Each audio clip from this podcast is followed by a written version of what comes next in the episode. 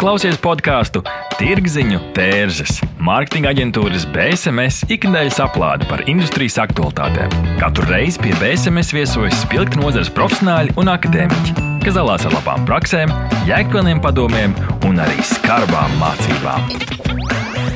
Aiziet! Šodien Tirziņu tērzes studijā Inta Buša. Esat sveicināti 60. epizodē. Šodienas tēma ir alkoholisko dzērienu tirgošanas izmaiņas. Pie manis studijā ir mans kolēģis Viktors Aboltiņš, BSMS merchandising nodaļas direktors, un Edgars Ermensons, Sijā Belmarka Latvijas struktūra vienības vadītājs ar 20 gadu pieredzi vairumtirdzniecības nozarē, kā arī Dāvis Vītols, Latvijas alkohola nozars asociācijas izpildirektors. Sveiki, kungi! Labdien! Sveicināti! Sveiki. Man uzreiz pirmais jautājums ir, kādas ir aktualitātes alkoholu tirgošanā? Edgars, varbūt tu vari sākt. Mēs jau nedaudz aizklausēs par šo parunājām. Šodienas kontekstā aktualitātes ir diezgan svaigas saistībā ar notikumiem Ukrajinā. Tad mēs redzam, ka mazumtirdzniecībā tiek izņemtas Krievijā ražotas preces, kas skar arī alkohola nozari. Tāpat laikā arī, ko ja mēs aizklausēs runājām, šī Ukraiņas produkcija, kas varētu būt alternatīva, arī dzen, nav pieejama. Nu, tā tad varbūt tas ir šodienu lielākā aktualitāte Ja mēs skatāmies kaut kādā plašākā laika nogriezienī, atkal, protams, saistībā ar aktuāliem notikumiem, kas ir Covid pandēmija, tad šī mums arī diezgan daudz ko mainījusi gan lietošanas paradumos, gan iegādāšanās paradumos. Tur smalkāk var man kolēģis Dāvis pastāstīt, kā, kādas, tad ir, kādas tad ir izmaiņas notikušas, jo tās ir vairāk saistītas ar likumdošanu. Jā, Dāvija, viena no izmaiņām, protams, ir arī iespēja tirgot tiešsaistē alkoholu, kas pirms tam nebija. Varbūt var pastāstīt par šo likumprojektīvu izmaiņu likumā un kā tas ir ietekmējis tirgu. Jā, šis likumprojekts um, ir tiksim, tā, ilgu, ilgu laiku gājis. Un, ja mēs atgriežamies pie iepriekšējās krīzes, nevis Ukraiņas krīzes, tad Uh, Covid krīze bija tā, kas uh, šo likumprojektu pātrināja savā veidā uh, un, un iedzīvināja.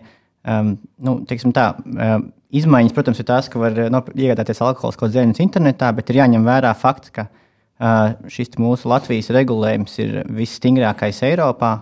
Un, Uh, un, un, un savā ziņā viņš uh, ir, ir ļoti drošs, ja mēs tieši runājam par uh, jauniešu aizsar, aizsardzību, aizsargāšanu un, un nepilngadīgo. Un uh, nevienā citā Eiropas valstī pagaidām nav arī šī prasība arī internetā pārliecināties par šo vecumu. Parasti šī pārbau, nu, pārbaudīšana norisinās tieši pie šīs preces saņemšanas. Uh, bet, ja mēs skatāmies tieši par tirgus izmaiņām, tad, uh, nu, vismaz ko mēs redzam, tad uh, interneta tirzniecība apmēram uh, aizņem nu, 2 līdz 5% no visa Latvijā pārdotā alkohola. Uh, precīzi ciparus mums pagaidām ir grūti pateikt, jo tiksim, tā, arī šīs aplēses ir uh, pēc uh, tiem datiem, ko es esmu dzirdējis no mazumtirgotājiem, kas tirgo, uh, ka viņas ir atšķirīgas. Vienā, vienā tirdzniecības ķēdē šis apjoms ir lielāks, vienā attiecīgi ir mazāks.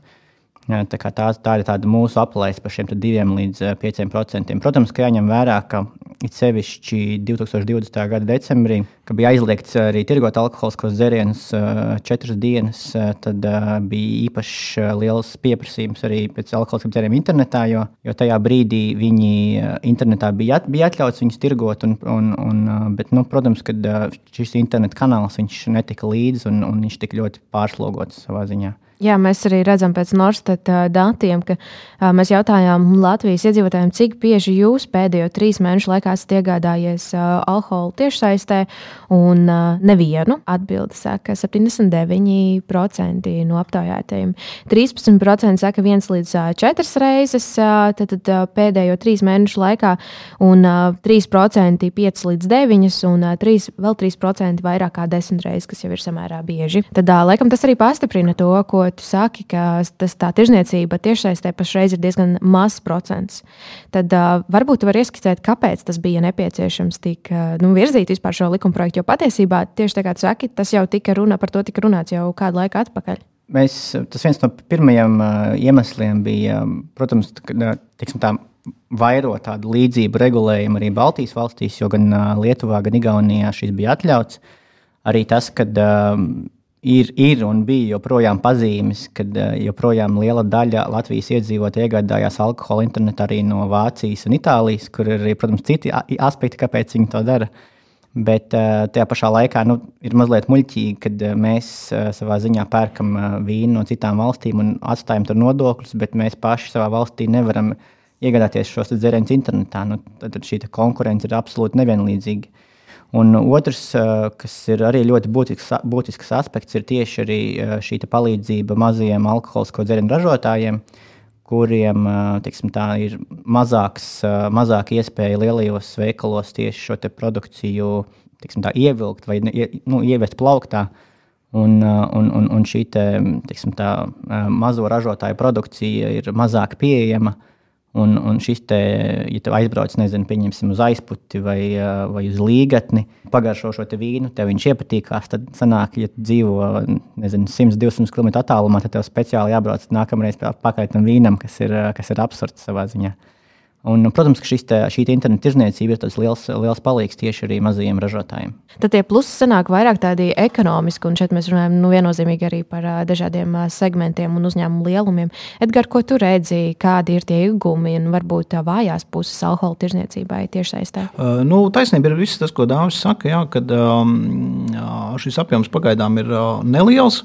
Es domāju, ka tas, nu, protams, ka tas lielā mērā ir saistīts ar to, ka šī atļauja tika ieviesta salīdzinoši ļoti vēlu, kad mēs jau, nu, mūsu patērētājs jau kā, nu, ir izlaidis no rokām šo, šo iespēju, ka, ka arī tādā veidā ir iespējams iegādāties. Un, uh, diezgan ilgs laiks būs nepieciešams. Es domāju, ka šeit nav paredzama tāda ļoti strauja izaugsme, uh, kā tas varbūt bija vērojams pirmā Covid viļņa laikā, kad, protams, jebkas, kas tiek um, realizēts caur. caur uh, internetu piedzīvoja lielu izaugsmi, un pēc tam situācijai stabilizējoties, um, tā līnija pagāja uz leju. Droši vien, ka mums ir vajadzīgs garāks laika posms, lai mēs mainītu savus paradumus. Ne tikai alkoholiskos dzērienus, bet vispār pārtikas produktus iegādāties internetā. Protams, ka tam ir zināmi ieguvumi, īpaši kaut kādām specializētām tirzniecības vietām, tā skaitā arī daudz pieminētajiem mazajiem lokāliem ražotājiem kas var jau paši plašākā mērogā veikt šo preču realizāciju. Protams, ka tur ir viena vienīga ieguvumi. Par, par mīnusiem šeit droši vien nav, nav īsti iespējams runāt. Vienīgais, jā, tad, tas, ko droši vien mūsu likumdevējs mēģina kaut kādā veidā saistīt, ir šī vecuma kontrole, šis vecuma cents, kā precīzāk pie, no, no, izvairīties jā, no nonākšanas nepareizās rokās produktu. Tā. Man ir viens papildus jautājums, vai ir kaut kāda statistika, ka no ārzemēm tiek sūtīts alkohols, vai tur ir kaut kāda vecuma ierobežojuma, vai kā tiek kontrolēts? Diezgan sarežģīti. Nav, nav tāda statistika, un tas ir arī viens no iemesliem, kāpēc vajadzētu atļaut, Lat nu, kāpēc mēs arī atļāvām Latvijā šo internetu tirzniecību. Jo, nu, es arī esmu skatījies tieši no ārzemju lapām šīs, te, šīs te pasū, nu, pasūtīšanas iespējas, un pieņemsim arī Vācijā. Ja nemaldos, tad pieņemsim malu un vīnu var pasūtīt no 16 gadu vecuma. Sanāk, ja tu Latvijā esi 16, 17 gadu vecs, iespējams, ka no Vācijas tu šo vīnu var saņemt nepilngadīgs, ja, ja, tā, ja tā puse Vācijā nav, uh, nav, nav pārbaudījis Latvijas likumdošanu. Protams, kad ja, nu, ja kontrolējušās iestādes Latvijā šo noķer, tad uh, Vācijas, uh, Vācijas, iestāde, Vācijas šiem tirgotājiem var būt, var būt problēmas. Bet, Bet ļoti ārkārtīgi nu, grūti, grūti kontrolēt šo, te, šo te tirzniecību, sevišķi no Eiropas Savienības valstīm, jo mums tomēr ir brīvais tirgus. Un, un robežu sargi nav un, un, un nebūs visticamāk. Tas vai gadījumā nebūtu kaut kāda uzstādījuma, ka, piemēram, no Latvijas sūta viņš uzreiz, tā tiksim, Vācijā redz, viņš sūta no Latvijas, tad viņam jābūt 18 gadus sasniegušam, un viņi varētu viņu pārdot. Vai ir kaut kādi starptautiski regulējumi šajā? Vai... Šī sadaļa ir, es, es pieļauju, ka šī sadaļa ir, kur turpmāk arī būs kaut kādas diskusijas Eiropas mērogā, jo šobrīd arī, ir, arī notiek realitātē, kad pieņemsim akcijas nodokļu atšķirību dēļ. Liela daļa alkoholisko dzērienu tiek, tiek pārdota Somijas iedzīvotājiem, un, un, un, un sanāk, ka Somijas iedzīvotāji var iegādāties alkoholisko dzērienu internetā arī, arī no Latvijas un arī no citām Eiropas Savienības valstīm. Uh, Uh, lai gan uh, viņi Somijā šo, par šo akcijas nodokli maksātu ievērojami lielāku. Uh, diskusijas noteikti būs, bet pagaidām šī, šī sadaļa īstenībā Eiropas Savienības mērogā, manuprāt, ir tāda nu, neskaidra, un, un katrs interpretē viņu, viņu mazliet citādāk. Tajā pašā laikā šeit gan es tiešām precīzi nezināšu, bet esot arī bijis viens Eiropas Savienības tiesas precedents, kur kur ir iespējama veik, veikt tādu tā tālpārdošanu, ja viņi var nosaukt, kad persona var sakomplektēt preci, pieņemsim, jebkurā valstī. Un, uh, un pati organizēt kurjeru, tad tā neskaitās pat arī kā, nu, kā neskaitās kā interneta tirzniecība no šīs valsts. Uh, protams, ka cits, citi likumdošanas akti atkal pasaka citādāk, līdz ar to uh, tur ir tāds, manuprāt, juridiskā neskaidrība šajā, te, šajā te visā. Mm. Ja mēs paturpinām īstenībā šo tēmu par atbildīga alkohola iegāde, respektīvi, kad uh, alkoholu nepatērē uh, nepilngadīgie, tad uh, mēs arī jautājām uh, Latvijā, cik lielā mērā jūs atbalstāt alkoholisko dzērienu tirgošanu tiešsaistē, un principā tas vidējais rādītājs, vidējais aritmētiskais ir drīzāk kaut kur starp daļēji atbalstu un daļēji neatbalstu. Un tā, tā, tā neizlēmīgi, bet nu, principā drīzāk tā kā neatbalstu. Un, ja mēs runājam par to, kāpēc atbalsta vai neatbalsta šo tirgošanu tiešsaistē, tad uh, tur arī sakrīt īstenībā šie argumenti, ko mēs jau esam šeit iepriekš uh, ieskicējuši. Uh, pirmkārt, atbalstu 26% saka, jo tā ir tāda pati prece kā citas. 26% saka, neatbalstu, jo nepilngadīgiem ir vieglāk iegādāties alkoholu. Tālāk, nākošā populārākā atbilde ir neatbalstu. 21% saka, jo tas veicina alkohola patēriņu, 21% ir neitrāla nostāja, un 19% saka atbalstu, jo tā ir ērtāk iegādāties. Tad, ja mēs runājam par šo atbildīgu alkohola lietošanu, atbildīgu iegādi, kurš par to ir atbildīgs nu, tādā valstiskā mērogā? Mēs jau ieskatījām, ka ir gan kaut kādas starptautiskās normas likumdošana, ka droši vien Eiropai par šo ir konceptuāli jāvienojas, bet, ja mēs runājam par esošo pašreizējo situāciju, kurš, kurš par to ir atbildīgs? Vai tas ir pats pircējs atbildīgai iepirk, iepirkšanās, vai, vai, vai kaut kas cits, vai ir kāda uzraugošā iestāde? Dāvi? Nu, jauniešiem līdz 18 gadu vecumam ir uh, administratīva atbildība. Ja viņi arī mēģina uh, iegādāties alkoholiskos dzērienus, tad uh, viņi var dabūt uh, sodu tā, līdz 18 gadu vecumam. Uh, šo kontrolē, bet ko es arī gribu pateikt par šo aptauju, ir uh, sabiedrība ir tāda aizsprieduma, ka uh, šī te, uh, interneta tirzniecība ir iespēja nepilngadīgajiem. Nu, tas ir ārkārtīgi sarežģīti. Tas ir, Uh, tur ir jāreģistrējas, tev jāverificē, savs vecums ar, ar, vai no Smart ID, vai no Verif, vai no citām no ārkārtīgi drošām sistēmām. Līdz ar to es, es to atkārtošos vairāk kārt, ka alkoholisko dzērienu tirdzniecība internetā ir daudz drošāka nekā pat parasta tirdzniecība pārdevēja. Jo pārdevējs viņš, viņš ikdienā nopārdod ļoti, ļoti, ļoti daudz preces un ir liela iespējamība, ka, eh, ka viņš var palaist kaut ko garām. Mēs arī esam vairākās kampaņās strādājuši tieši pārdevējiem, lai viņiem šo uzmanību noturētu, bet nu, ar, ar visu to bieži vien ir tā, ka atnāk kāds 17-gadīgs jaunietis ar lielu bārdu un, un pārdevējiem liekas, ka viss ir kārtībā, kaut gan, kaut gan tā nav. Edgars, jums ir internetu veikals savs vintage, un mēs jau nedaudz aizklausēs arī runājām, ka pārsvarā jums pie jums iepērks juridisks personas. Varbūt var pastāstīt par šo internetu veikalu, jo tas ir jau, jau kādu laiku, viņš ir arī klātienē, protams, iesakņojies, viņam ir savu lojālajā patērētāju, savu auditoriju. Ko tu vari pastāstīt par šo dzērienu veikalu? Nu jā, vintage veikals pastāv jau diezgan ilgi ilgu laiku, kā fizisks veikals, un nu, tad stājoties spēkā jaunajam regulējumam, ātri meklējām veidus, kā, kā pielāgoties un ieviest arī šo tiešsaistes tirzniecību. Uh, un tas, ko mēs redzam, uh, klientu lokus uh, ir diezgan nemainīgs. Tie paši klienti, kas nu, teiksim, līdz regulējuma ieviešanai iegādājās produkciju klātienē, turpina to darīt un, un atsevišķos gadījumos izmanto šīs tiešsaistes iespējas. Mm, teikt, ka klientu lokus ir paplašinājies dēļ šīs jaunās normas, droši vien mēs nevarētu.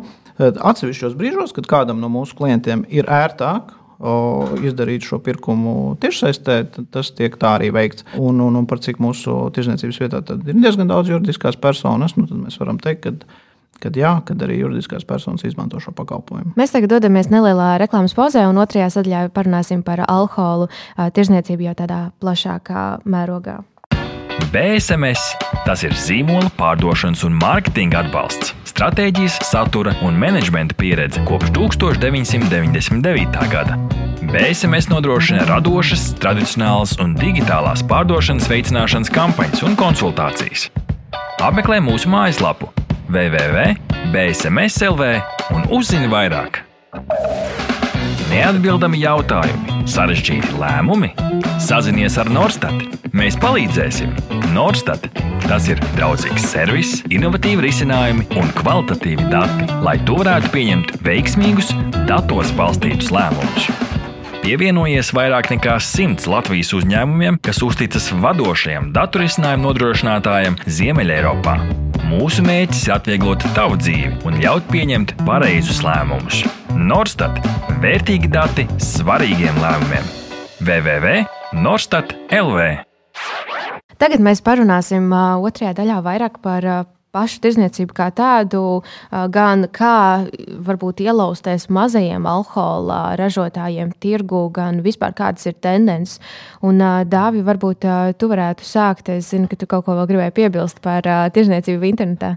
Jā, arī, arī kad mēs, kad, kad tapu šis regulējums vairāk gadu garumā, bija lielas diskusijas arī tieši par ši, šo te sanāk, internetu tirzniecību juridiskajām personām. Jo, uh, No, no vienas puses, sanāk, ka internetu tirdzniecība juridiskajām personām, kurām nav licence, vienmēr īstenībā līdz šim arī bija iespējama. Tajā pašā laikā neviens viņu īsti neizmantoja. Tā, tā, tā, ko es šobrīd gribu pateikt, ka šis regulējums arī atrisināja šo sadaļu. Jo bieži vien, pieņemsim, bija gadījumi, kad uh, ārlietu ministrijai vai citām ministrijām, kuras, protams, ar alkoholu ikdienā nedarbojās, bet viņā, pie viņām brauc kaut kāda delegācija un, uh, un grib uh, pacienāt ar vietējo vīnu vai, vai kā citādāk. Sanāk, ka, viņām ir jā, jābūt kādam cilvēkam, kurš speciāli iet uz veikalu un iegādājās šos dzērienus, kas, protams, patērē laiku. Līdz ar to šī internetu tirdzniecība arī šajā sadaļā bija nu, ļoti jēdzīga un, un, un tikai sakarīga, manuprāt. Bet, ja mēs runājam par plašāku jēdzienu, Tad eh, nu, šobrīd, kopumā, ja mēs skatāmies pēdējos gados, tad uh, alkohola patēriņš uh, krītās lēnā garā. Jāatzīst, ar ko tas ir izskaidrojams? Tas ir izskaidrojams, protams, arī ar to, ka mums samazinās iedzīvotāju skaits, uh, un, uh, un, protams, arī, arī ar to, ka uh, sabiedrības, uh, sabiedrības, sevišķi sabiedrības jaunākā, jaunākā daļa um, tā, lieto alkoholiskos dzērienus daudz atbildīgāk un, un, protams, arī mazāk. Es gribēju uzreiz piebilst, parasti, kad notiek kaut kādas krīzes vai ne lielākas ekonomiskas, piemēram, Amerikā parasti uh, attīstījās melnais tirgus. Jā. Kā uz šito skatās? Varbūt tās veikalos pērk mazāk, bet drīzāk attīstās uh, tā tiksim, nelegālā ražošana un patēriņš. Paldies par jautājumu, jo savā ziņā ir tā, ka mēs pēc dažiem datiem pat varam, varam spekulēt, ka no 2010. gada, kā saka arī Veselības ministrija, alkoholisko dzērienu patēriņš palielinās. Tajā pašā laikā, 2010. gadā, nelegālais tirgus arī pēc uh, veselības ministrijas, ja pēc uh, SPKC datiem bija apmēram 39% stipru alkoholisko dzērienu kategorijā. Tad šobrīd mēs skatāmies, ka šis nelegālais tirgus ir stipri samazinājies uz 8%. Tas, protams, joprojām ir apmēram uh, 30 miljoni eiro, kas mums, kas mums iet garām. Bet nu, uh, pilnīgi nelegālo tirgu uz nulli nodzīt praktiski nevienā valstī nav iespējams. Ar ko tas saistīts, kad ir samazinājies? Tas saistīts, protams, ar to, ka mūsu ekonomika ir attīstījusies un, un ka mēs, ne, ka mēs teiksim, tā, atbildīgi esam celuši akcijas nodokli, nevis, nevis teiksim, tā, izraut ārpus konteksta reģionā, ko, ko bieži, ko, ko bieži vien, kas bieži vien mēdz notikt. Jo, uh, Ja mēs skatāmies, kāpēc 2010. gadā bija šis tik liels nelegālais tirgus, jo 2009. gadā, kad mums Latvijā bija liela krīze, kuru mēs visi labi atceramies, tad uh, viena gada laikā tieši viena gada laikā akcijas nodoklis tika palielināts par 40%. Kas, protams, veidoja to, ka nu, bija, bija vēlme meklēt šos, te, šos te nelegālos ceļus. Un tad, protams, arī bija šis slavenais Līvānu gadījums un tā tālāk. Nu, un, un, un, un pēc tam arī paiet šis ilgāks laiks, līdz mēs šo nelegālo tirgu dabūjam lejā.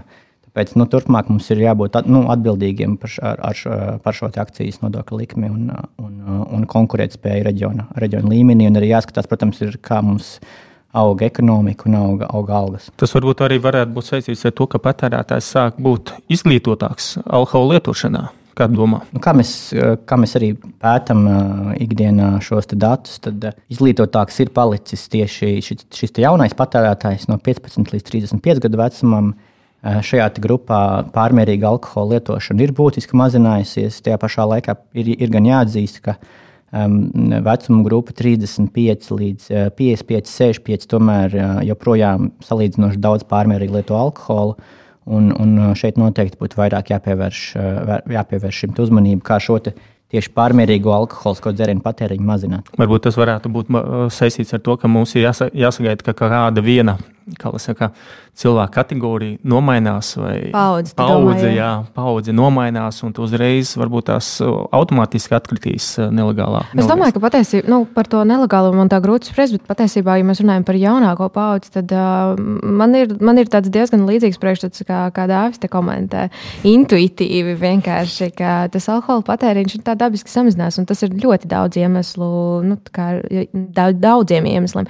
Bet, Edgars, skatos, ka tu arī piekrītoši māja ar galvu, vai tu arī redzi savā uh, uzņēmumā strādājot, ka tomēr jauniešiem uh, šī ka, uh, alkohola patēriņš samazinās, un kā tu redzi vispār, kā strādāt uh, tālāk? Uh, nu, kā attīstīt biznesu, ņemot vērā, ka tas, tas ir tas patērētājs. Šeit aizēs absolūti piekrītu. Jaunākās paudzes patiešām lieto dzērienus atbildīgāk, lieto retāk, lieto kvalitatīvākus, varbūt arī vieglākus dzērienus, daudz biežāk izvēlās nu, teiksim, apjoma ziņā jāpatērēt kaut ko mazāk, bet izvēlēties uh, vienu vienību kaut kā kvalitatīvu. Vai tas būtu kāds labs kokteils kādā bārā, vai tas būtu vīns kopā ar ēdienu.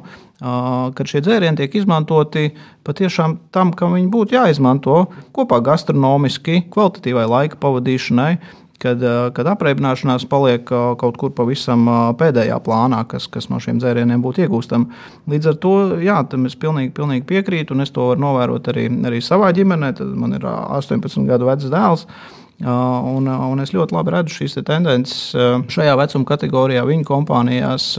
Tas, tas tā ir pilnīgi patiesība. Jā. Kādas al alkohola teiksim, kategorijas, grupas, produktu grupas ir vispopulārākās pašreiz? Jauniešu vidū vai vispār? Jauniešu, jā, tieši. O, nu, droši vien, ka tie ir kokteļi. Gribētu mm -hmm. teikt, ka tie ir kokteļi.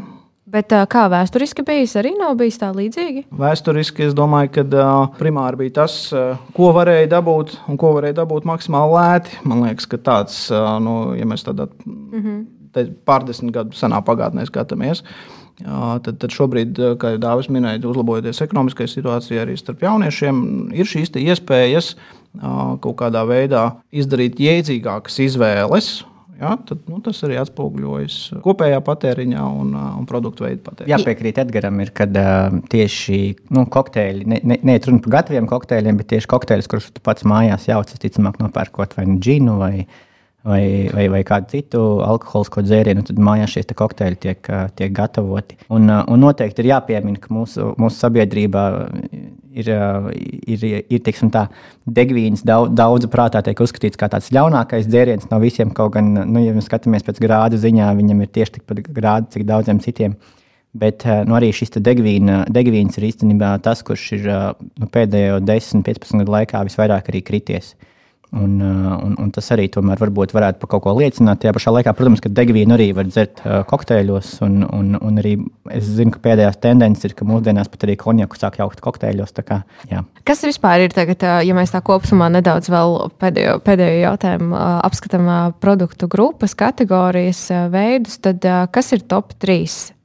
Kāda veida dzērieni? Nu, tā, tā joprojām nepārspēts līderis ir degvīns, neskatoties uz to, mm -hmm. ka mhm. viņš ka krīt. krīt. Mēs vērojam jauku pieaugumu vīnos, kas liecina par tādu patērētāju izglītotības līmeņa kāpumu un arī par ekonomisko situāciju. Tas diezgan daudz ko liecina. Alus ir pietiekami stabils, un, un tā patīkamā tendence ir, ka šis amatu alus, jeb krafta segmenta alus, diezgan strauji aug, kas arī rāda to, ka mēs izvēlamies labāk, mazāk, bet kvalitatīvākas un, un, un, un, un ne tikai nu, teiksim, no tāda tehniskā izpildījuma, bet arī no, no, no, no garšas ziņā. Nu, tādas, tādas produktus mēs izvēlamies. Nu, tas arī ir tās pamatlietas. Pamat nu, tad seko no stiprajiem dzērieniem, jau pieminētais džins, kas ir diezgan strauji augoša kategorija, kas arī skaidri norāda uz to, ka tas vairumā gadījumā tiek izmantots kokteļu gatavošanai, nevis patērēšanai tīrā veidā. Mhm. Mūsu noteikti arī klausās pārdošanas speciālisti, mārketinga speciālisti, uzņēmumu vadītāji. Un, ja mēs runājam par alkoholu, tad tevis minētā kvalitāte ir tas, ko bieži piesauc mairažotāji. Gan vīnu ražotāji, gan stipro dzērienu ražotāji Latvijā. Un saka, tā ir mūsu, tā kā, mēs neražojam masu produkciju, mēs ražojam specifiskai auditorijai un kvalitatīvu dzērienu. Kā viņiem strādāt uh, tirgu un kas būtu uh, ieteikumi, kā vispār pārdot savu produkciju? Jā, nu šī ir diezgan sarežģīta tēma, ar kuru ir nācies saskarties e, diezgan bieži, kad e, sperot pirmos soļus ražotājs e, un mēģinot saviem spēkiem šo tirgu iekarot, ir diezgan daudz ko sabojājis. Mans ieteikums ir pirms sākt kaut kādas darbības, patiešām atrast kādu, kas šajā lauciņā darbojās un vismaz pakonsultēties kā tās lietas notiek, kādas ir sadarbības nodibināšanas iespējas ar lielajām veikalu ķēdēm, kurās mēs varam kādu nu, vērā ņemamu apjomu realizēt. Protams, ka var mājražotājs darboties internetu vidē un mēģināt kaut ko realizēt šādā veidā, bet panākt vērā ņemams apjoms noteikti būtu nepieciešams pakonsultēties ar cilvēkiem, kas šajā sfērā darbojas, un, un tad noteikti ir iespējams atrast pat neiespējams. Mūsu ķēdes pat labprāt gribētu šos produktus savā sortimentā, tikai ir svarīgi tas, kā līdz tam nonākt. Nu, tā procedūra varētu būt šiem te, kas, mazajiem ražotājiem, kas pirmo reizi ar to saskarās, diezgan sarežģīta. Es te arī iedomājos, uzreiz, ka mēs te runājām, ka tur degvīns samazinās un tā tālāk. Ja mēs aizējām uz veikalu plauktu, nu, agrāk vismaz bija es skatos uz degvīnu. Nu, tik daudz tā degvīna izvēles, ja, varbūt iespējams ir dot iespēju tiem mazajiem mājražotājiem, piemēram, ja samazina kaut kādu kategoriju, kaut kādā noteiktā apjomā, ja, lai viņiem būtu iespējas, varbūt tās palīdzēt šajā jomā, brīva vieta ir un tu vari tikt iekšā. Jo mēs arī, ja mēs skatāmies, ja konjaks vai viskijs, nu, viņš nav tik plašs kā, piemēram, degvīns. Nu, ir zināmi nosacījumi, kāpēc šis degvīns ir tik plašs. Un, uh, Droši vien, ka tur ir vairāk jālauž mūsu patērētāju ieradumi un, un šīs prasības pēc degviela, kādu izvēlās mūsu patērētājs. Un, un balstoties uz šīm prasī, patērētāju prasībām un vēlmēm, šis sortiments arī veikalos atspoguļojas. Tāpēc es domāju, ka um, samazinot šo vietu, diez vai mainītos pircēju ieradumi, un viņi tāpat uh, meklētu to, ko viņi meklē. meklē. Intuitīvi iet. Jā. jā, tāpēc primāri mums būtu jāmaina šī pircēju ieradumi, lai mēs varētu dot iespēju arī, arī teiksim, kraft degvīnam vietēji ražotam nonākt lielveikalu plauktu. Kādi ieroči varētu būt, lai izmainītu patērētāju mūsu vietējo?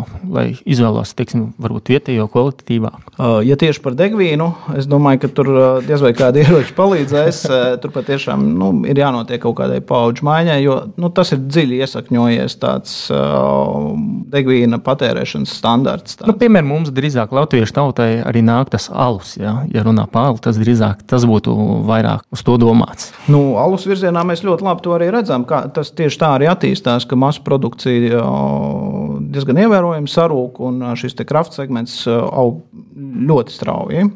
Un, Tik plašs uh, kraftālus piedāvājums arī lielveikalos, kā pie mums, diez vai kaut kur vēl uh, vecajā Eiropā ir, kur arī ir dziļas saules patērēšanas tradīcijas. Tā kā ar, ar šo visu mums ir vislabākajā kārtībā. Nu, tas priecē, jā. to es arī pamanīju. Ja runājam par ieročiem, varbūt man pienāca domprātā, ko arī minēju, ko minēju sākumā jau šī te šīs sarunas, kad eh, nu, domāju, ka Krievijas-Ukrainas eh, ietekme atstās arī zināmu robu šajā visā.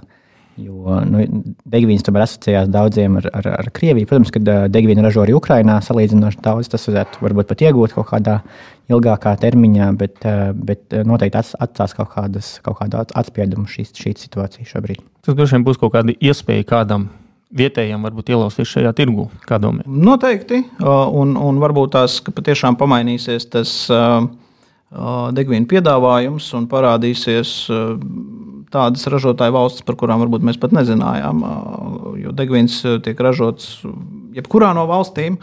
Tikai jautājums, cik tas ir plaši pārstāvēts mūsu veikalu piedāvājumā. Noslēdzot šo epizodi, es vēlos uh, lūgt jūs uh, tādā vienā, divos teikumos iedot galveno kopsavilkumu vai varbūt ceļavārdus uh, mūsu klausītājiem. Kas būtu tas jūsu galvenais ieteikums? Dāvā, varbūt tu vari sākt. Lietojiet alkoholiskos dzērus atbildīgi. Īsi un kodolīgi. Jā, jā nu, patiesībā pie šī īsti vairs arī nekā cita nav ko piebilst. Jā. Mm, tieši tā. Atbildīga lietošana, tas ir uh, visu pamatu pamats. Un uh, droši vien arī atbildīga tirzniecība no, no mm, izplatītāja puses, vai ne? Viktor, vai ir kaut kas, ko tu vēlēsies piebilst? Pilnīgi nav ko piebilst. Jā, te jau uzreiz kungu uzreiz viss pateica. Jā, atbildīgi lietot un kvalitatīvi lietot. Jā. Nu, man šķiet, ka droši vien būs, nu, es neteiktu, varbūt interesanti, varbūt nav piemērots vārds, bet mēs noteikti redzēsim, kā mainās alkohola patēriņš un arī alkohola piedāvājums veikalu plauktos dēļ gan politiskās situācijas, gan varbūt kādiem citiem aspektiem. Tā kā noteikti sekojam līdzi un esam, esam tādā nelielā update un skatāmies, kas varbūt arī kādam tieši tā, kā Viktor, tu saki, jaunam ražotājam, varbūt pat Latvijas ražotājiem paver kaut kādas potenciālas iespējas. Lielas paldies viesiem, manam kolēģim Viktoram, kā arī Edgaram Ermansonam, Sijā Balmarka Latvijas struktūra vienības vadītājiem ar 20 gadu pieredzi vairumtirdzniecības nozare un Dāvim Vītolam Latvijas alkohola nozares asociācijas izpildu direktoram. Paldies, ka klausījāties BSMS podkāstu Tirziņu tērzes. Aplādi ar labām praktiskām, jēgpilniem padomiem un skarbām mācībām. Patika epizode? Dalies sociālajos medijos, ir idejas tēmām vai viesiem? Raksti mums! Tās bija Tirziņu tērzes. Tiekamies nākamnedēļ!